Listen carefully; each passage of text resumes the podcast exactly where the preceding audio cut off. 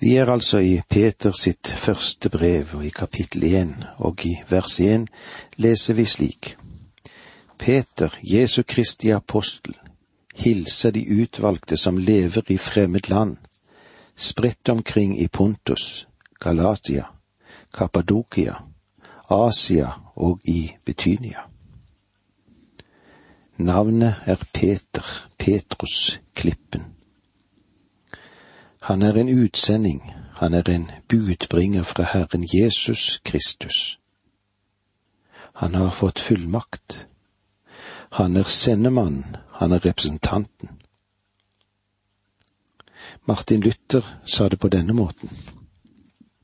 Peter kaller seg selv apostel, ikke for sin egen persons skyld, men for det første fordi han vil tilkjennegi at han ikke etter sitt eget valg eller sin egen formastelighet, ikke heller ifølge noe menneskelig råd, har trengt seg inn i det høye embetet, men er stevnet og kalt til det uten mellomledd ved Kristus, ved Herren selv.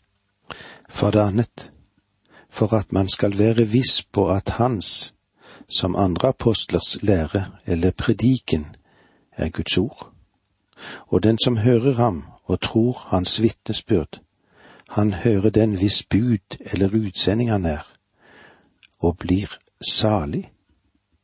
Men den som forakter ham, han forakter den som har sendt ham. Det var så langt Luther.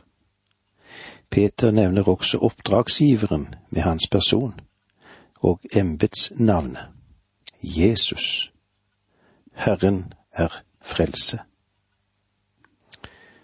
Peter, Jesu Kristi apostel.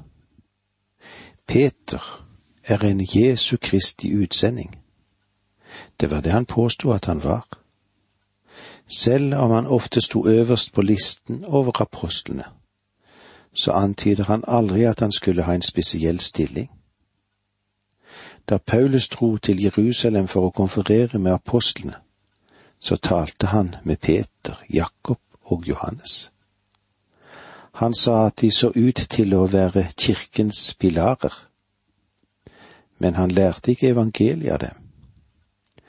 Paulus, han gjør det helt klart at han mottok evangeliet direkte fra Jesus Kristus gjennom åpenbaring. Ingen steder krever Peter overherredom. Han var en apostel, det var det hele.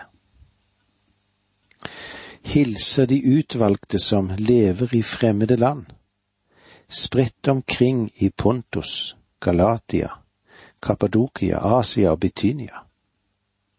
Han skriver til de fremmede, de som var spredd over det romerske riket.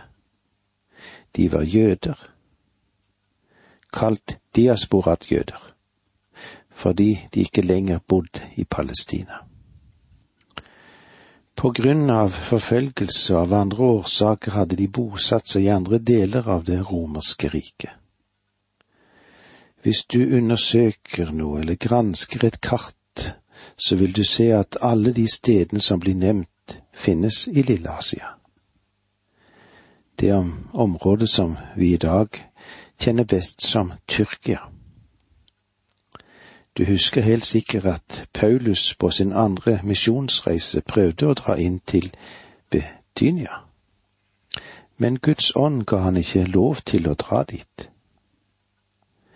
Jeg har en fornemmelse av at Simon Peter allerede hadde forkynt evangeliet der, og at Den hellige ånd ønsket at Paulus skulle dra til folkeslag som ennå ikke hadde hørt evangeliet. Paulus var hedningenes apostel og Simon Peter var apostel for israelitter som hadde vendt seg til Kristus. Vers to De som er utvalgt slik Gud Fader forut hadde bestemt, og ved Ånden innviet til lydighet og til å bli renset ved Jesu Kristi blod, måtte dere få nåde og fred i rikt mål. Apostelen Paulus stuper med en gang direkte på dypt teologisk vann. For eksempel så presenterer han med en gang treenigheten. Slik Gud Fader forut hadde bestemt, hellighet ved Ånden og renselse ved Jesu Kristi blod. La ingen lure dere til å tro at Bibelen ikke lærer noe om treenigheten. Bibelen, den er spekket med slik tale. Sannelig kan vi ikke se på Peter bare som en uvitende fisker, for her taler han faktisk om ting som de fleste av oss vet svært lite om. Teologene de forsøker å hjelpe oss til å forstå denne veldige lære om utvelgelse og forhåndskunnskap. Vi må erkjenne at vår Gud er en suveren Gud, og at dette lille universet, det er hans. Det var jo han som skapte det. Jeg vet ikke hvorfor han skapte det som han gjorde, men siden han er absolutt allvitende, og siden han har all makt, og siden han er suveren, så konkluderer jeg med at han kan gjøre alt det han vil som er samstemmig med hans natur. Han har en rett til å planlegge for fremtiden han har åpenbart drevet med denne planleggingen lengre tid. Vi kaller disse planene for tanker som Gud hadde i sitt sinn helt ifra begynnelsen av. Det vil si at han hadde en plan som han ville følge. Han bestemte seg for å skape universet, og så gjorde han det. Spurte han deg om det? Han har aldri spurt meg. Han er suveren. Her var også beslutningen om å tillate menneskets fall. Dette tror jeg fordret en god del planlegging fra Guds side. Idet han visste at når han skapte mennesket som en moralsk fri skapning, så ville denne skapningen falle når han hadde fått det frie valg. Menneskeslekten, hva gjorde den? Jo, den valgte å være ulydig mot Gud. Men Gud hadde allerede en ordning klar for en slik situasjon. Han hadde besluttet seg for at han ville sende en frelser inn i verden, og at det ville være en utvelgelse i ham. Og slik ble det. Han tok den beslutningen at han ville frelse dem som kom til ham den utvalgte. Du kan kalle dem hva du vil, men de mennesker som vender seg til Kristus for å finne frelse, de er de utvalgte. Og du kan vel si, vel, han valgte ikke alle. Det finner ikke jeg i Skriften. Den Herre Jesus, han sa det slik, han. Alle de Faderen gir meg, kommer til meg, og den som kommer til meg vil jeg ingen lunde støte ut. Hans innbydelse til hvem som vil er, kom til meg, og det er en åpen innbydelse til alle. Men det må komme et gjensvar, og dette gjensvaret, det er ditt og mitt ansvar. Peter beveger seg virkelig på dypt vann når han sier, utvalgt slik Gud Fader forut hadde bestemt. Her ser du at Gud beveger seg etter sin plan. Det må ha ligget en uendelig mengde planer foran ham, og han valgte å følge den. Hvorfor? Fordi han visste at det var den beste planen, og det lille mennesket har ingen mulighet til å protestere på hans valg. Han er skaperen, vi er bare skapninger. Det var det vi fikk med oss i dag. Takk for nå, må Gud være med deg. Dette undervisningsprogrammet består av to deler. Åge Nevland fortsetter nå med andre del av dagens undervisning. Vi er i apostelen Peter sitt eh, første brev, og vi er i det første kapitlet. Og vi vil se litt på om det som er utvalgt slik Gud Fader forut hadde bestemt, eller slik som det står i det andre verset i det første kapitlet. De som er utvalgt slik Gud Fader forut hadde bestemt, og ved Ånden innviet til lydighet, og til å bli renset ved Jesu Kristi blod. Måtte dere få nåde og fred i rikt mål. Peter han beveger seg nå virkelig på dypt vann når han sier utvalgt slik Gud Fader forut hadde bestemt. Her ser du at Gud beveger seg etter sin plan.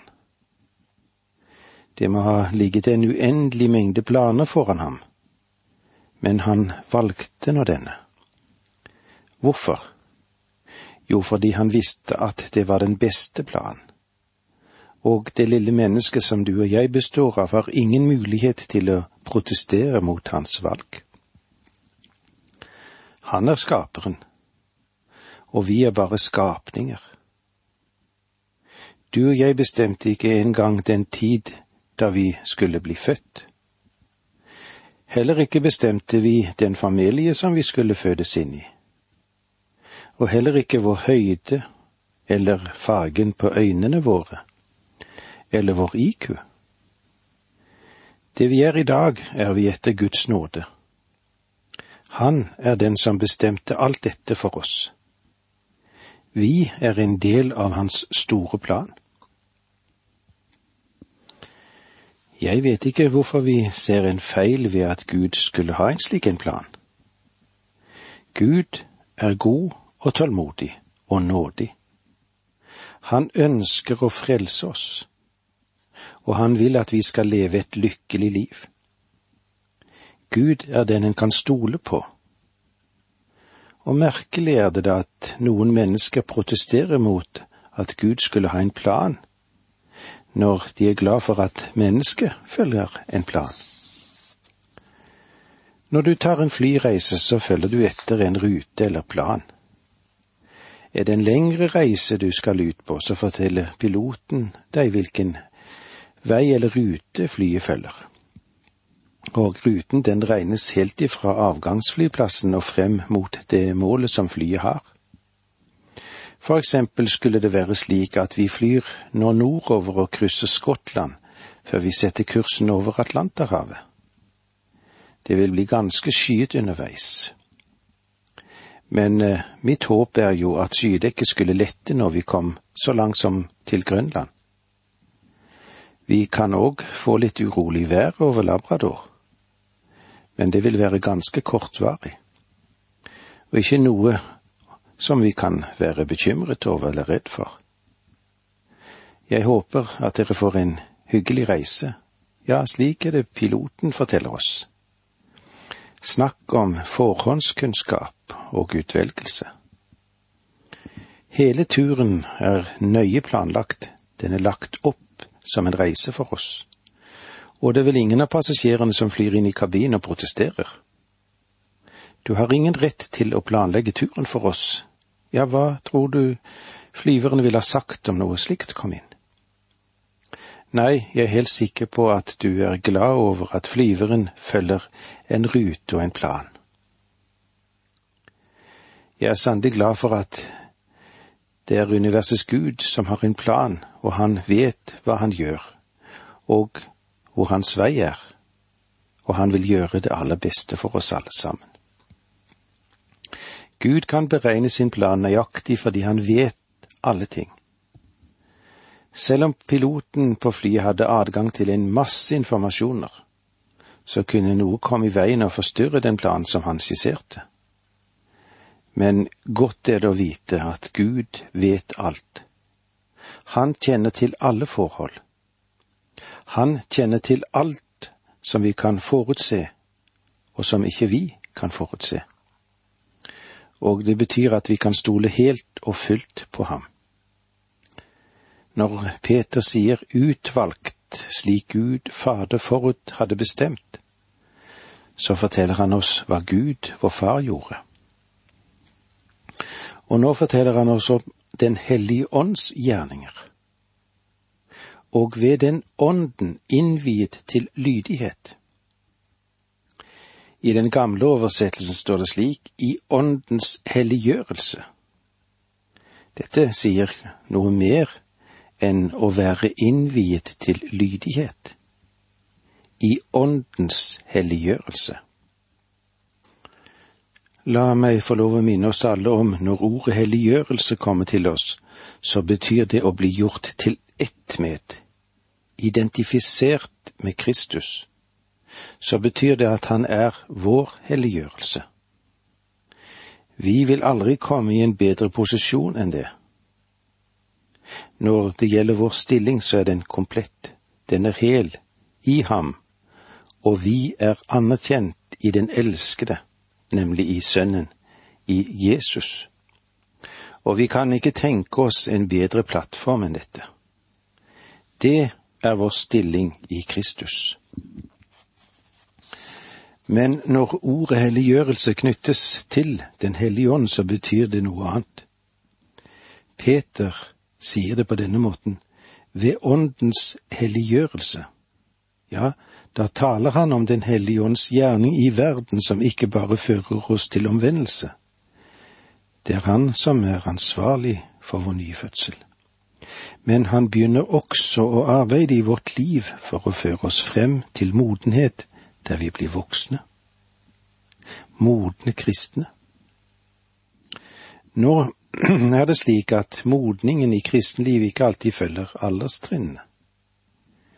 Kristelig sett er det mulig at et yngre menneske kan være mer moden som kristen enn et eldre menneske er.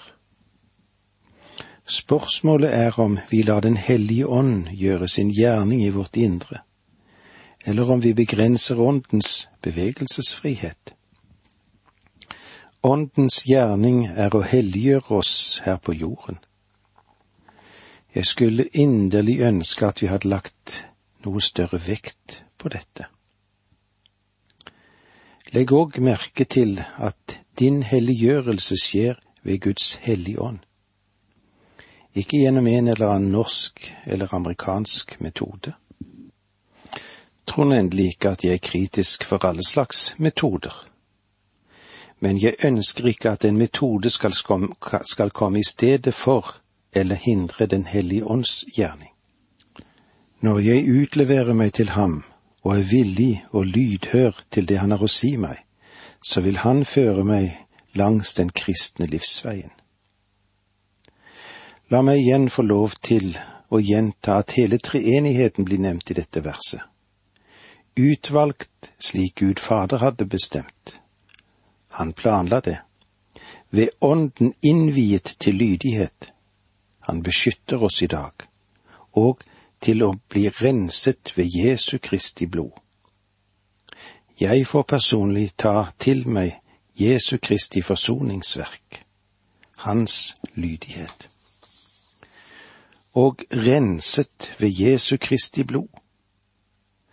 Det er stor taushet i vår forkynnelse i dag om Kristi blod. Men eh, Skriften, Bibelen, forsier og forteller oss mye om det. Han ga sitt liv, sitt blod, for at du og jeg kunne ha liv. Husk nå på at Peter skriver til jøder som var oppfostret i jødedommen. De var dia-sopranen, troende jøder som levde utenfor sitt eget land. De bodde i Lille-Asia. De kjente til Det gamle testamentet, og de forsto at øverstepresten på den store forsoningsdagen tok blodet med seg da han gikk inn i det aller helligste, og at han stenket blod syv ganger på nådestolen. Nå har Jesus Kristus tatt sitt eget blod til Guds trone og har stenket sitt blod der. Han ga sitt liv og betalte straffen for oss. Nå er denne dommens trone nådens trone for oss, der vi kan komme og ta imot frelse. Evangeliet er ikke blitt forkynt før betydningen av Kristi blod er forklart. Det kan virke anstøtelig rent estetisk sett, for noe av korsets anstøt ligger jo i at han ga sitt blod. Det er ikke så vakkert, men hvordan er det med synden, da? Med din synd og min synd? Den er heller ikke vakker. Og det var på grunn av syndens skremmende konsekvenser som gjorde det nødvendig at Kristus døde for oss på korset. Og nå kommer vi til et av nøkkelordene. Måtte dere få nåde på grunn av treenighetens gjerning. Gud hadde oss i tankene. Kristus døde for oss, og Den hellige ånd kommer for å bo i oss og for å forvandle oss. Og derfor kan og Gud vil frelse oss ved sin nåde. Måtte dere få nåde og fred. Uten Guds nåde vil du aldri kjenne Guds fred. Simon Peter taler ikke her om noe som bare var teori. Han sa måtte dere få nåde og fred. Og med disse ordene sier vi takk for nå, må Gud være med deg.